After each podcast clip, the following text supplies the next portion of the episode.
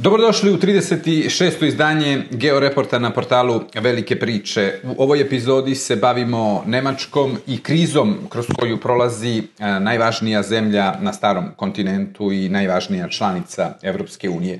Od sudbine Berlina e, zavisi veliki deo Evrope, uključujući i Beograd. Kada se Nemačka nakašlje, Srbija, ali i druge zemlje u našem okruženju i šire, dobiju temperaturu ili čak grip. Uspon ekstremne desnice u Nemačkoj ima specifičnu težinu. Nije isto kada Marine Le Pen sa nacionalnim frontom uživa podršku jedne četvrtine ili jedne trećine u francuskom biračkom telu ili kada Giorgia Meloni osvoji vlast u Italiji ili Gert Wilders u Holandiji. Jer ako je francuski nacionalizam teatralan, italijanski parodičan, španski folklorističan, engleski uštogljen, a ruski i srpski često precenjeni, e, nemački nacionalizam je toliko metodičan da uključuje alarm za uzbunu uvek i u svakom momentu kada se pojavi. U Nemačkoj svaki uspon radikalnog nacionalizma budi duhove prošlosti više nego bilo gde. E, tim pre kada je obojen klasičnim tonovima antisemitizma, ksenofobije, šovinizma, negacionizma, nostalgijom za nacističkim vremenima i krcat rečnikom i idejama sa nacional-socijalističkom podlogom. E, Evropska unija je bez problema, kao što se videlo, preživela dolazak Melonijeve na vlast u Italiji. Verovatno će stvari više manje ići u istom smeru iako Marine Le Pen za tri godine uđe u Jelisejsku palatu, odnosno postane prva žena predsjednik Francuske ali je gotovo sigurno da neće ostati na nogama Evropska unija ako u Berlinu na mestu kancelara dođe lider alternative za Nemačku, pa makar to bila i Alice Weidel, najmanje problematična ličnost među alternativcima. Nakon eh, tri decenije Nemačke, možemo da kažemo, renesanse sa veoma eh, malobrojnim zastojima i limitiranim padovima, Berlin mora da pronađe svoju novu ulogu u Evropi i u svetu i pre svega mora sebe da rebrendira da bi ponovo bio lokomotiva starog kontinenta. E, bivša kancelarka Angela Merkel je uspešno mumifikovala najbolji od mogućih svetova za Nemce u kojem su im Amerikanci garantovali bezbednost, Rusi prodavali jeftine energente, Kina bila prvi trgovinski partner, a Evropska unija tržište i avatar e, nemačke meke političke moći. Tog sveta više nema i potrebno je kreirati novi. Scholzov semafor ne funkcioniše. E, kancelar Scholz se nalazi u vrtlogu gotovo savršene oluje. U Nemačkoj Čak ni vozovi više ne idu na vreme. U prethodnoj godini je svaki treći na dugim linijama akumulirao kašnjenje. E, Šolcova podrška u biračkom telu je na minimumu. Socijaldemokratska partija se nalazi negde oko 15% podrške. Koalicioni partneri stoje još gore. Liberali Kristijana Lidnera su ispod cenzusa, a zeleni Habeka i Berbokove su ispod 15%. Nemačka ima najmanji privredni rast u eurozoni, tek 0,3%. Govori se da čak u posljednjem kvartalu je Nemačka ušla i u recesiju, odnosno da je privredni rast ispod nule. Štrajkovi zemljoradnika, železničara i drugih strukovnih e, udruženja parališu gotovo na dnevnoj bazi zemlju. Inflacija nije bila tako visoka u poslednjih 50 godina. Prvi put od ujedinjenja Nemačke registruje se gubitak kupovne moći građana, plus kao damoklov mač iznad glava kancelara Šolca visi afera Jan Marsalek, za koga se sumnja da je izvršio krivično delo izdaje, vele izdaje dostavljajući senzibilne podatke Rusiji više od 10 godina. Sistem Šolc, baziran na uskom krugu saboraca koji su kreirali štit oko kancelara postao je kontraproduktivan. Šolc je izgubio dosta simpatija i percepiran je od dobrog dela društva kao arogantan tip okružen samo saradnicima koji podržavaju njegove ideje. Bivši gradonačelnik Hamburga prozvan je i kao gospodin ja znam sve. Formulacija je postala toliko viralna da se koristi redovno i u Bundestagu. Opravdanje Šolca da je Savezna republika suočena sa krizom koja se ne pamti u skorijoj istoriji od, ili od svog nastanka posle drugog svjetskog rata, u dobroj meri odgovara istini, ali nije dovoljno uverljiva kada je u pitanju odgovornost vlade na čijem je čelu za nivo krize kroz koju prolazi Nemačka. Ministar odbrane Boris Pistorius je za kratko vreme postao najomiljeniji političar u Nemačkoj posle predsjednika Franka Waltera Steinmeiera. Počeo je da daje izjave koje, možemo da kažemo, nadilaze njegov portfolio od komentara eventualnog Trumpovog povratka u Belu kuću do moguće ruske invazije na pribaltičke republike i opasnost da Evropa bude napadnuta, pa ako hoćete i poseta e, Zapadnom Balkanu u poslednjih nekoliko dana je upravo e, simbol ili simptom nečega što se događa u samoj Nemačkoj i nije isključeno da e, dođe i do promene vlade, odnosno do promene kancelara bez novih izbora, što bi bio jedan od presedana u Ujedinjenoj Nemačkoj. E, moramo da budemo spremni za svaki scenario, poručuje upravo Pistorius, verovatno misleći i na one koji ne isključuju mogućnost da on postane kancelar, odnosno predsjednik Nemačke vlade. Nemačko vrzino kolo. E, da bi Nemačka ekonomija funkcionisala i da bi država mogla da garantuje postojeći nivo socijalnih davanja i usluga, takozvani welfare, Savezna republika mora da uveze više od milion kvalifikovanih i visoko kvalifikovanih radnika. Dakle, s jedne strane, ekonomski rast i blagostanje nisu mogući bez migranata, a sa druge, oni su glavni pokretač ksenofobičnog sentimenta na kojem prosperira ekstremna desnica, ali ne samo ekstremna desnica, već u poslednjih nekoliko meseci i ekstremna levica. Takođe, Nemačka je impulsivno, tragedija u Fukushimi, kada je eksplodirala nuklearna centrala posle zemljotresa i tsunamija, zajedno sa previše ambicioznim, neki bi rekli hazarderski, e, krenula u ekološko-energetsku tranziciju. Ruska invazija na Ukrajinu potkopala je glavni stub oslonca na kome se bazirala ta nemačka zelena tranzicija, ali i privredni rast, a to je jeftini ruski gas. Godinama je nemačka industrija mogla da računa na najjeftinije energente, zbog čega su njeni proizvodi bili izuzetno konkurentni, a danas nemačke kompanije plaćaju tri puta veću cenu energije od francuskih ili čak četiri puta ili pet puta više od američkih kompanija. Pad životnog standarda, kriza pomenutnog welfare sistema, perspektiva koja prvi put od završetka drugog svetskog rata nije bolja od one za prethodne generacije, šta više u brojnim segmentima je gora, zatim bauk recesije, inflacija, visoka cena pomenute ekološke i energetske tranzicije koju plaćaju nemački građani u prvoj liniji, zatim sve frekventniji problemi sa delom migrantske populacije, porast takozvanog sitnog kriminala, e, sve su to razlozi zašto e, tradicionalne partije u Nemačkoj sa donekle izuzetkom Demohrišćanske unije beleže pad podrške, a ekstremne političke partije jačaju. Čak, u stvari, ni demohrišćani ne rastu onoliko koliko bi trebalo, imajući u vidu nepopularnost, da se eufemistički izrazimo,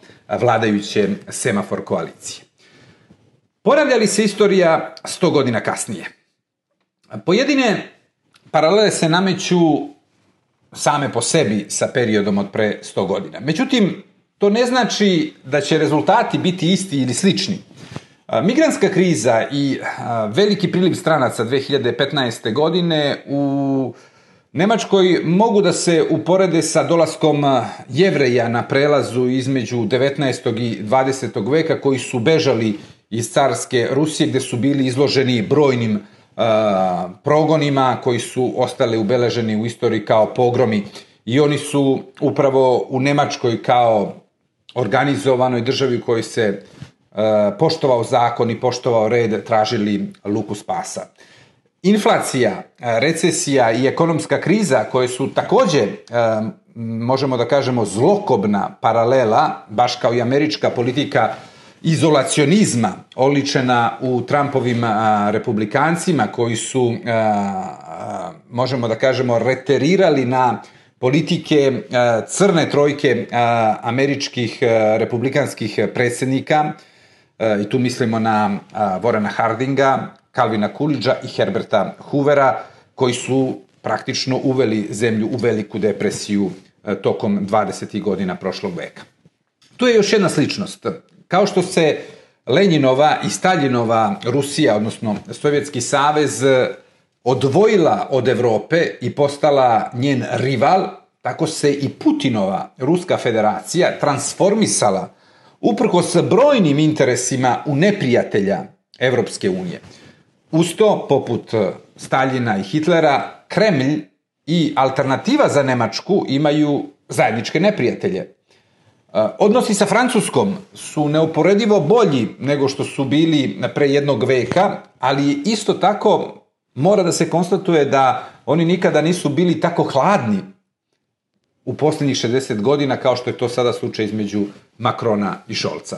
Na unutrašnjem planu Šolcova vladajuća koalicija po stepenu svadljivosti, suprotstavljenosti interesa i ambicija da se e, realizuju uskostranački e, ciljevi i uskostranačke agende posjeća u dobroj meri na vlade iz Vajmarske republike. Baš kao što i Mercov pokušaj normalizovanja e, srećom neuspešan alternative za Nemačku je mirisao pomalo na fon Papenovo između znaka navoda kroćenje nacional socijalističke radničke partije. Ipak, Istorija se ne ponavlja, ali kao što često kažemo, ona se rimuje. E, nije moguće da se istorija ponovi e, kao tragedija, ako bi uzeli i onu Marksovu e, postavku da se istorija postavlja tri puta, prvi put kao tragedija, a posle kao farsa, iz prostog razloga što su evropljani pre 100 godina bili trećina svetske populacije i komandovali su većinom planete, dok su belci činili uh, praktično više od polovine stanovništva planete. Danas je Evropljana manje od 7% uh, u toj populacijskoj pogači sveta, a tek svaki peti stanovnik naše planete je belac. Drugim rečima, svet se promenio. Zapad ne može više da pobedi, ne može više da dominira našom planetom, ali može da produži svoj opstanak i može da utisne pečat na buduću civilizaciju koja će biti dominantna kao što su to uradili Grci i Rimljani sa našim predsima koji su grunuli na evropski kontinent pre više od 1500 godina. Kriza nemačkog identiteta. Kriza identiteta najjače države e, naše kontinenta koja i dalje odbija da odluči kakvu ulogu želi da igra u budućnosti, stavlja u veoma nepovoljnu poziciju saveznike, pogotovo evropske, ali donekle i američke kada govorimo o onom delu Amerike koji uglavnom vidi u demokratskoj partiji zvezdu vodilju. Nemačka neodlučnost koja se interpretira i kao sindrom postaje veliki e, problem pre svega za Zapad i Evropu koji ne mogu da izađu iz postojećeg geopolitičkog vrtloga kao uh, pobednici ili barem kao neporažena strana bez Nemačke, odnosno bez potomaka Tevtonaca. Takođe, nijedna ozbiljna reforma u Evropskoj uniji ne može da bude sprovedena i ne može da bude usvojena, kamoli u stvari sprovedena, ako među njenim sponzorima i promoterima nije Berlin, odnosno Nemačka. E, Nemačka nije nacija. E, nije to nikada ni bila, ako je verovati Tomasu Manu, a tvorac Budenbrokova je znao o čemu priča. Nemačka je imperija. E, prevelika za Evropu, premala za svet, kako je to još pre nekoliko decenija definisao Nemac po rođenju ili još bolje rečeno Bavarac po rođenju Henry Kissinger. Iza pojma Nemac kriju se desetine identiteta, često suprostavljenih ili rivalskih. E, ne radi se samo o podeli na istočnjake ili zapadnjake. E, ona je novijeg doba i proizvod je hladnog rata. E, Bavarci, Švabe, Porajnjani, Vestfalijanci, Saksonci, Hanzeati, Istočni Prusi, Zapadni Prusi i brojne druge etničke i identitetske grupe popunjavaju taj nemački nacionalni puzzle. Građani Savezne republike u identitetskom smislu sebe prvo uvek identifikuju po landu, odnosno po regionu ili pokrajini, ako hoćete, iz koje dolaze. Zatim po gradu ili kraju u kojem su rođeni ili žive i tek posle dolazi odrednica Nemac. E, nije slučajno da je drugi e, rajh nastao tek kada je jedna etnička grupa, Prusi u ovom pitanju, se izdigla iznad ostalih i bukvalno pokorila ili primorala druge da joj se pridruže nakon pobede Prusa nad Austrijancima i Saksoncima u bici kod Sadove 1866. godine. Baš kao što nije ni iznenađenje da je Treći rajh bavarsko-austrijski produkt, budući da su za poraz u velikom ratu i propast drugog rajha okrivljeni Prusi i naravno jevreji. Indikativna je činjenica da nikada ni jedan Bavarac nije bio kancelar Nemačke. Šta više, samo je Edmund Stoiber a, jednom bio kandidat koalicije demohrišćana i e, socijal i CSU-a iz Bavarske i to je bilo u interregnumu između Helmuta Kohla i Angele Merkel. E, Markus Zeder e, je predsjednik Bavarske i on je pokušao da se nametne na prethodnim izborima kao kandidat e, svih demohrišćana u Nemačkoj. Nije u tome uspeo i ostala je samo zapamćena njegova gorka konstatacija da u nemačkom Berlinu se osjeća antibavarska klima. Nemačka posle drugog svetskog rata, da nastavimo ovu našu priču o izgradnji modernog nemačkog identiteta. Kada su Amerikanci okupirali Nemačku posle drugog svetskog rata, izbor glavnog grada, Bonn, Varoš na Rajni, i Konrada Adenauera, gradonačelnika Kelna, još jedna Varoš na Rajni, bio je znak da je posle istočnih Prusa, Bavaraca i Austrijanaca došlo vreme za Porajnjane da vladaju Nemačkom. A ratoborne istočne Pruse i militaristički nastrojene Bavarce zamenili su mirni i staloženi Porajnjani. E, bez inklinacija e, ka uniformama i sa zadatkom da pacifikuju i demilitarizuju Nemce. E, Rusi su u svojoj zoni okupacije predali Prusima i Saksoncima sa svim njihovim ključnim osobinama i sa sasvim drugačijom namerom da naprave istočnu Nemačku. Formirati novu naciju baziranu na pan-germanizmu i tradicionalnim vrednostima nemačkog, čitaj, pruskog naroda. Tokom hladnog rata U zapadnom delu Nemačke građani su bili suočeni sa zločinima i odgovornošću Trećeg rajha za strahote drugog svetskog rata. Zemlja je decentralizovana, jer nije uzalud Franklin Roosevelt upozoravao, do duše kada su nacisti još uvek bili na vlasti u Berlinu, da samo Nemačka podeljena u 107 provincija ne predstavlja opasnost za civilizaciju.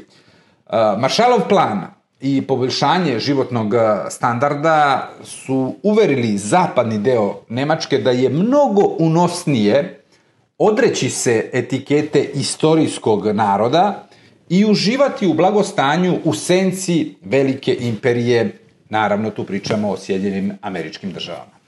Na drugoj strani, Rusi su već 1952. godine morali da centralizuju istočnu Nemačku, kako bi se izbegle separatističke težnje, a istočno nemačko rukovodstvo okrenulo nacionalizmu i pangermanizmu.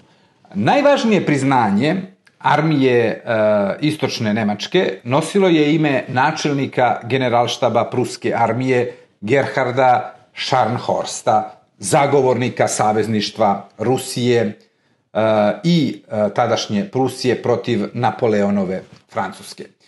Ernst Honecker, najpoznatiji vođa DDR-a, početkom 80. godina prošlog veka, u centralnoj ulici tada podeljenog Berlina, Unter den Linden, vratio je uz veliku svetkovinu spomenik Fridrihu Velikom. Još jedan signal te želje da se jaše kao a, političko sredstvo pan-germanizama. Komunistički režim a, je predstavljao političke stranke zapadno od Elbe, odnosno u tadašnjoj Saveznoj Republici Nemačkoj, kao izvršitelje američke i britanske imperialne politike, čiji je cilj da izbrišu nemački identitet i nemačku kulturu. Zvuči vam sigurno poznato. Posebno je targetirano kao deo kosmopolitske zavere stvaranje Evropske ekonomske zajednice, preteče Evropske unije pod budnim okom Vašingtona. Dakle, Nije iznenađenje što 59% stanovnika bivšeg DDR-a smatra da je NATO odgovoran za rusku agresiju na Ukrajinu, dok na drugoj strani 60% građana nekadašnje zapadne Nemačke, uprko svemu, uprkos Donaldu Trumpu, smatra da su Amerikanci važni i pouzdani saveznici na koga se može osloniti.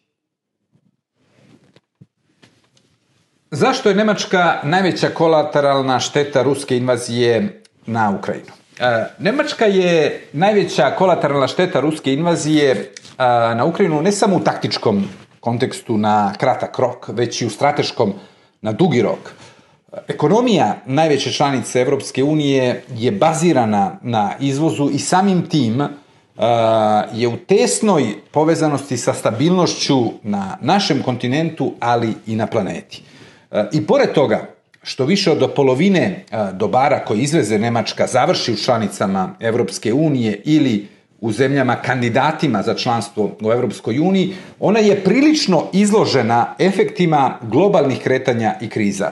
S obzirom na to da su ekonomije svih komšijskih zemalja od Poljske, Češke i Mađarske na istoku Italije, na jugu, pa ako hoćete i Srbije, povezane sa Nemačkom, Posledice usporavanja nemačke ekonomske lokomotive će svi osetiti i svi će pre ili kasnije platiti cenu. Savezna republika je jedina zemlja u sukobu e, Rusije sa Ukrajinom, osim e, naravno dveju učesnica, koja je pretrpela posledice vojne akcije na svojoj teritoriji, odnosno imovini, govorimo naravno o Severnom toku 1 i Severnom toku 2. Uh, uz to, Berlin je morao da zatvori oba oka pred evidentnim dokazima da su ukrajinski komandosi izvršili diverziju onesposobljavanja Severnog toka 1 i 2 koji je povezivao uh, Rusku federaciju i Nemačku direktno ispod Baltičkog mora i omogućavao direktan dotok gasa. Nemačka ne samo da nije preduzela akcije protiv Ukrajine, nego je umeđu vremenu postala i e, drugi snabdevač Kijeva ratnim materijalom i opremom i oružjem odmah iza Sjednjih američkih država. Istovremeno, zavisnost Nemačke od ruskih energenata je pala sa 55 na 9 Međutim, cenu tog drastičnog zaokreta platili su građani Nemačke – budući da energenti u proseku koštaju 2 do 3 puta više u Saveznoj Republici nego u ostatku Evrope. Šta se dogodilo sa pompezno najavljenim zaokretom u nemačkoj politici od strane kancelara Olafa Šolca? Gromoglasno najavljeni zaokret e, nije dao još uvek vidljive rezultate. Ne znači da neće. E, nemačka vojska nije mnogo videla e, od obećanih 100 milijardi evra, plus povećanje na 2% BDP-a za vojsku je, možemo da kažemo, obećanje na dugačkom štapu. Realizovat će se i to, ali ko zna kada. E, takođe, e, nemačka industrija, i to je jedini veliki zaokret, jedina velika promena, je doživjela procvat. E, proizvodnja e, je skočila za čak 40% sa tendencijom daljeg rasta kada je u pitanju vojna industrija. E, Nemačka bi, ako bi zaista realizovala najavljeni zaokret u vojnoj sferi, za manje od 10 godina dobila treću po snazi vojnu formaciju na planeti. Odmah iza Sjedinjenih američkih država i Kine. Međutim, malo je verovatno da će se to dogoditi. E, uprkos javnom prozivanju Berlina, u Beloj kući i Pentagonu su zadovoljni u dubini, da tako kažemo, slikovito duše, što Nemci nisu krenuli u ozbiljno naoružavanje i kreiranje snažnih oružanih formacija. Šta više, Washington je poslao dodatnih 2500 vojnika u baze na teritoriji Nemačke i sada ima 35.000 vojnika na tlu Savezne republike koji su uglavnom koncentrisani u centralnom i južnom delu Nemačke. E, nisu samo a, Amerikanci između znaka navoda odahnuli, odahnuli su i Poljaci kada su shvatili da a, te gromoglasno najavljene a, promene u vojnoj politici a, Nemačke ne prate i odlučni koraci da se kreira moćni takozvani Bundeswehr. E, ni u jednoj drugoj državi e, Evropske unije ne postoji tako prisutan strah od drastičnog pada industrijske proizvodnje kao u Nemačkoj i to je verovatno delimično zbog gubitka konkurentnosti e, s gubljenjem jeftinih energenata iz Rusije, a delimično zbog sve zateknutih odnosa sa Kinom, koja je još uvek prvi trgovinski partner Nemačke. E, I kada smo već došli do tog odnosa Nemačka i, i Kina, odnosno Nemačka i Rusija, Nemačka i Sjedinjene e, američke države, šta se događa sa tim e, silnim dekaplinzima, da upotrebimo e, engleski izraz? Kancelar Olaf Scholz e, forsira pragmatičan pristup e, prema Kini. Socijaldemokratski premijer je bio prvi E, zapadni lider koji je posetio Xi Jinpinga posle izbora za doživotnog predsednika Kine. Međutim, ministarka spoljnih poslova, Annalena Baerbock, bez pardona u javnosti, e, i to veoma često, naziva e, pravim imenom sve pojave u Kini, od prirode režima do flagrantnog kršenja ljudskih prava i prava manjina. Ta nemačka između znaka navoda šizofrena spoljna politika ogleda se i kroz različiti pristup e, zapadnog i istočnog dela zemlje. E, Vesi, odnosno zapadnjaci, u većini smatraju da se Kina promenila, i to na gore, i da posledično nemačka politika mora da se promeni odnosno prilagodi, što se moglo i nastutiti u novom strateškom nacionalnom dokumentu koji je usvojen. Osi ili istočnjaci pak stoje na poziciji da ne treba podlegati uticaju ideologije i interesima Amerikanaca po njihovom mišljenju u relacijama sa Kinom, ali i sa Rusijom i ostatkom sveta. Decoupling sa Rusijom i Kinom biće veoma težak udarac za Saveznu republiku. Šta više, nijedna druga zapadna zemlja neće pretrpeti i ne trpi već tako velike gubitke zbog novog geopolitičkog prekomponovanja kao što je to slučaj sa Nemačkom. I pored 25-godišnjeg ulaganja u takozvane zelene izvore energije, Nemačka i dalje ne proizvodi ni izbliza zadovoljavajuću količinu energije, pogotovo za potrebe njene veoma a, moćne i žedne, stalno žedne a, energentima industrije. Nemci su već ostali bez, kao što smo rekli, ruskih energenata i primarnih materija. Ne treba ni to da zaboravimo kada govorimo o odnosima između Nemačke i Rusije koji su preko potrebni, a, pogotovo petrohemijskoj industriji Nemačke. Progresivno ostaju i bez kineskog tržišta, a uskoro bi mogli da ostanu i bez američkog bezbednostnog kišobrana u slučaju da na izborima u novembru pobedi Donald Trump koji je već imao nastup u kojem je poručio Nemcima da počnu da zamišljaju NATO u kojem nema Sjednjih američkih država. Dakle, u krugu od samo nekoliko godina Berlin bi mogao da ostane bez tri od četiri e, stuba svog ekonomskog blagostanja. Kao što smo rekli, sa jedne strane američki bezbednostni kišobran, ruski jeftini energenti i kinesko tržište, odnosno Kina kao prvi trgovinski partner. Za rušenje četvrtog stuba bi mogli da budu odgovorni samo Nemci davanjem podrške alternativi za Nemačku koja se zalaže za izlazak Savezne republike iz Evropske unije. Pre nego što nešto kažemo o Dexitu takozvanom, da nešto kažemo i o istočnoj Nemačkoj.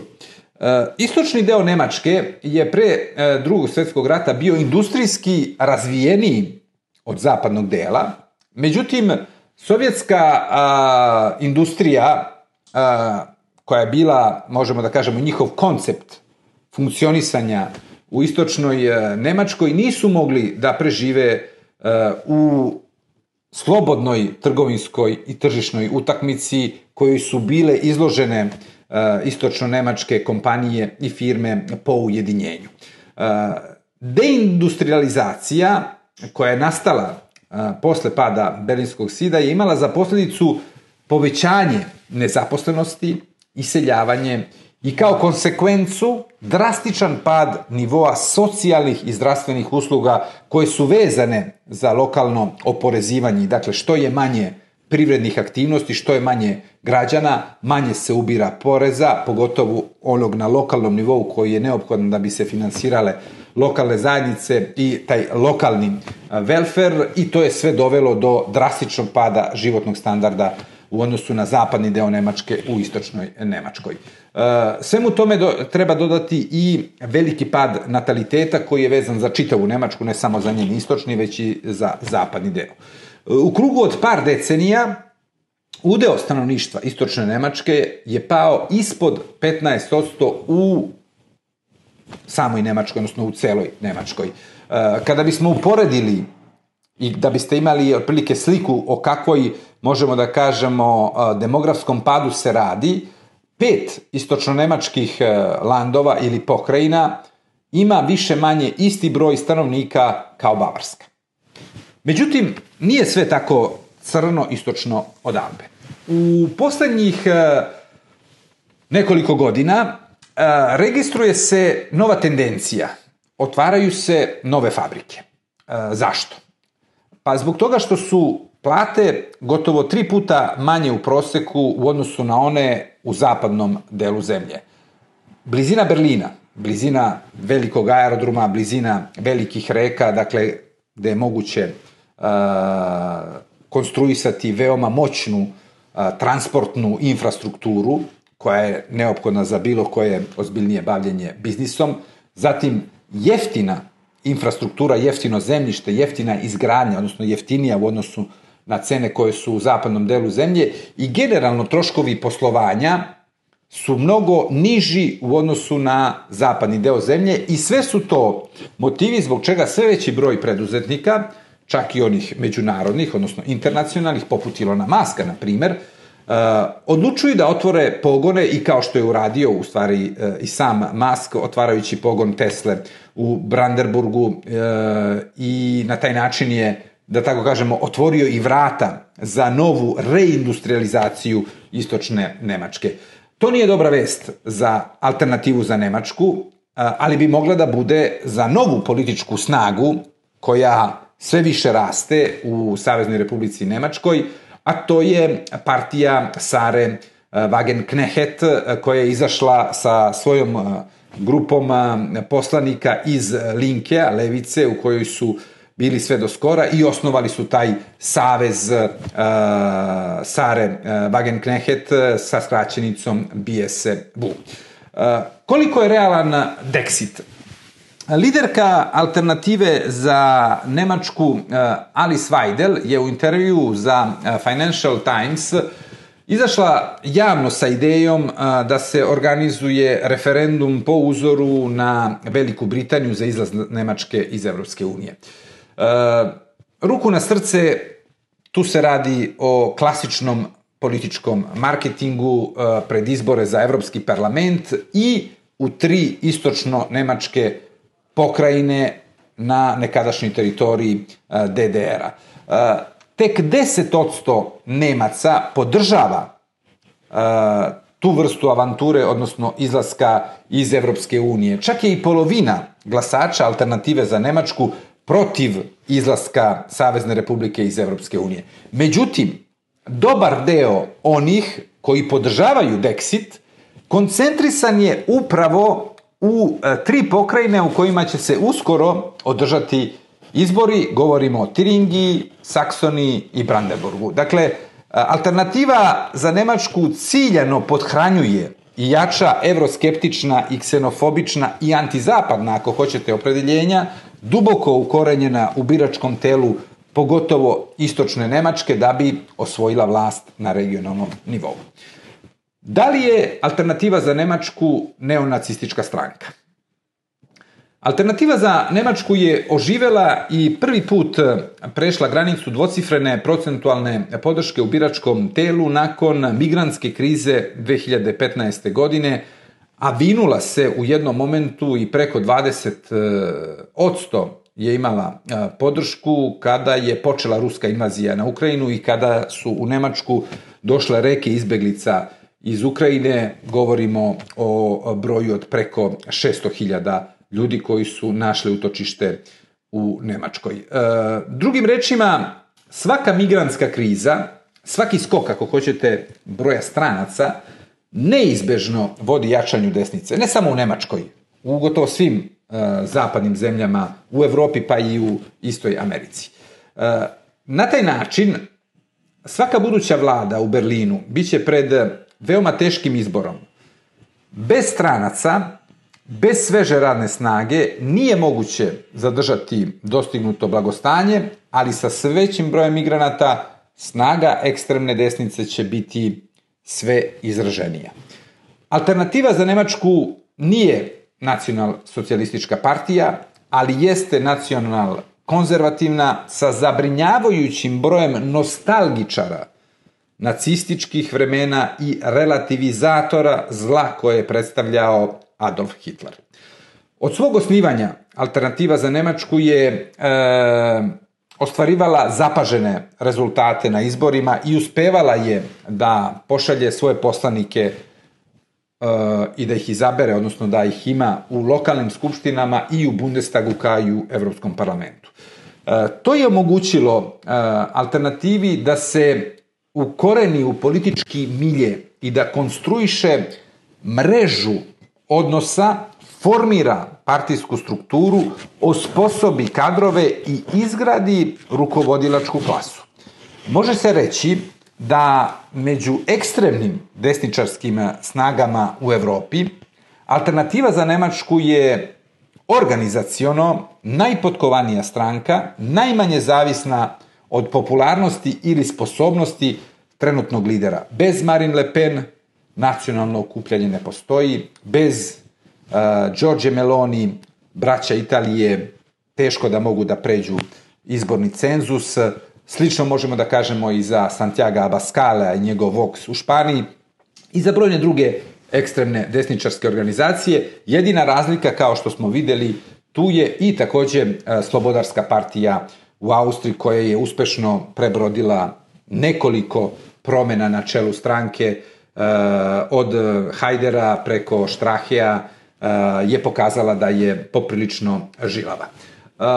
Poput sestrinskih stranaka, na starom kontinentu, alternativa za Nemačku pokušava sebe da predstavi kao stranku koja ne podriva temelje demokratskog društva, odnosno da nije opasnost za sistem.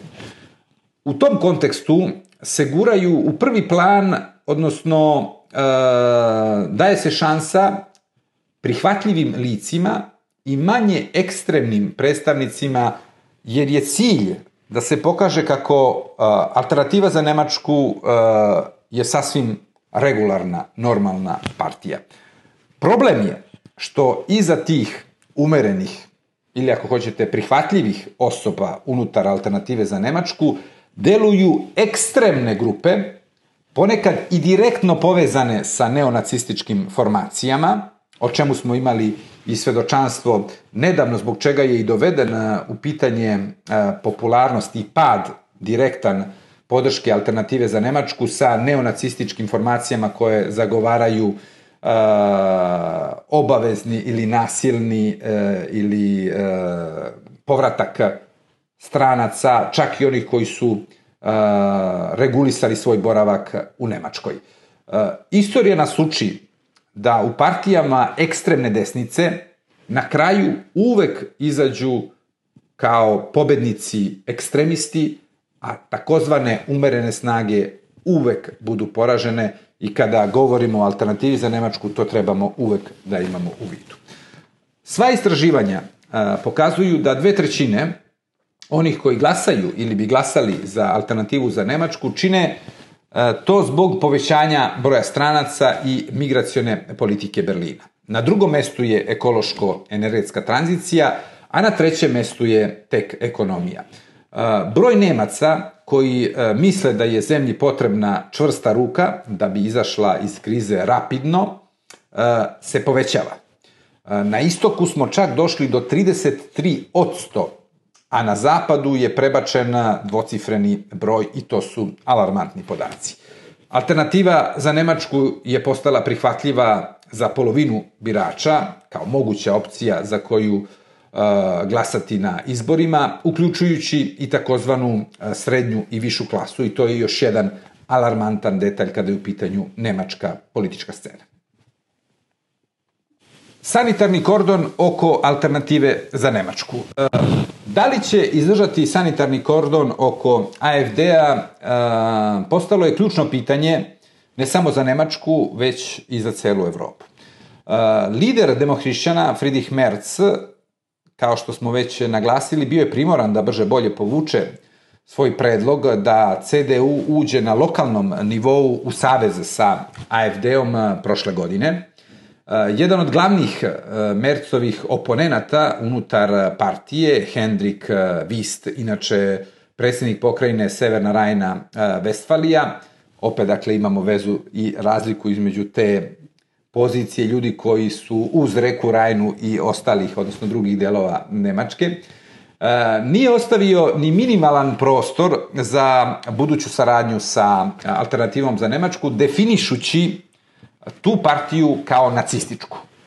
AFD, kaže Vist, ne poštuje ustavne parametre da bi bila deo našeg političkog sistema. Alternativa za Nemačku nije konzervativna partija, ani partija desnice, alternativa za Nemačku je nacistička partija, bio je veoma decidan vist i e, taj stav deli veliki broj e, ljudi koji čine e, demohrišćansku partiju. E, Vajdelova, liderka alternative za Nemačku i e, njeni saradnici e, su uvereni da na dugi rok CDU neće moći da održi branu prema saradnji između dve partije, pogotovo na lokalnom nivou, a u istočnom delu zemlje i na pokrajinskom nivou. U alternativi kažu da su naoružani strpljenjem i predviđaju da će ući na vlast na federalnom nivou 1929. godine, odnosno da su spremni da provedu u opoziciji e, još jedan mandat, odnosno da u još jednom sazivu Bundestaga budu opozicija i to kao najveća parlamentarna partija posle tandema CDU-CSU i za sada, a, uprkos blagom padu koji su doživjeli u poslednjih nekoliko nedelja, prema rezultatima istraživanja javnog mnjenja mogu i da ostvare. Da li je Sara uh, Wagenknecht lek za alternativu za Nemačku? Osim ekonomskog razvoja, pet pokrajina nekadašnje istočne Nemačke, ključna karta za izbacivanje AFD-a iz igre mogla bi da bude Sara Wagenknecht.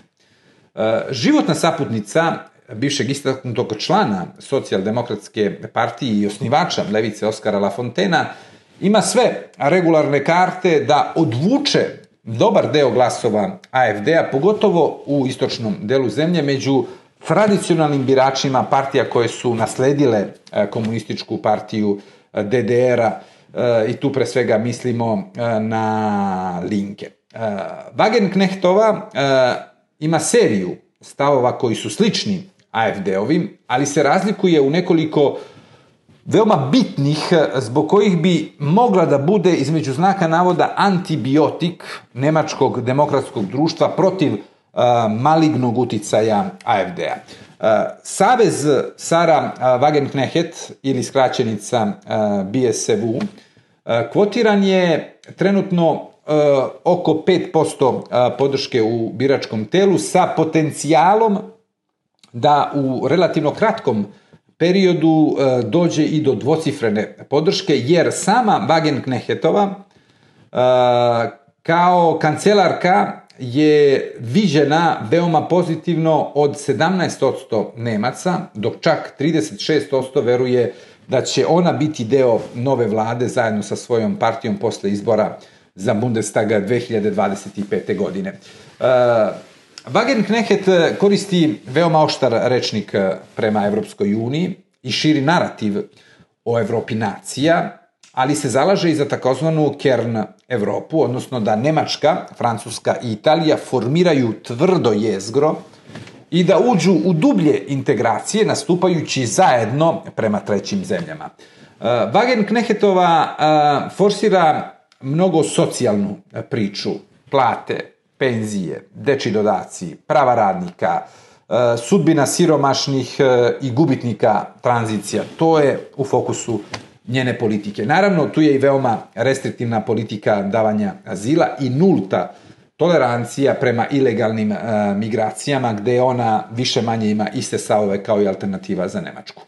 E, ključni motiv za napuštanje e, levice e, od strane Wagenknechtove i njenih saradnika bilo je usredsređivanje partije koja je nasledila komunističku partiju istočne Nemačke, pitanja rodne ravnopravnosti, klimatskih promena i popustljivih politika prema migrantima. To su, sva, e, to su sve argumenti e, koji su za Wagen Knehetovu i njene sledbenike e, marginalna pitanja i nebitna spram onih kojima oni daju ključni značaj, a to su, kao što smo već naveli, sva ona socijalna pitanja od plata, penzija, dečjih dodataka i pomaganja najugroženijem delu stanovništva. U svojim nastupima i u intervjuima za medije, Wagenknechtova je podvukla da nema prostora za kalkulacije oko saradnje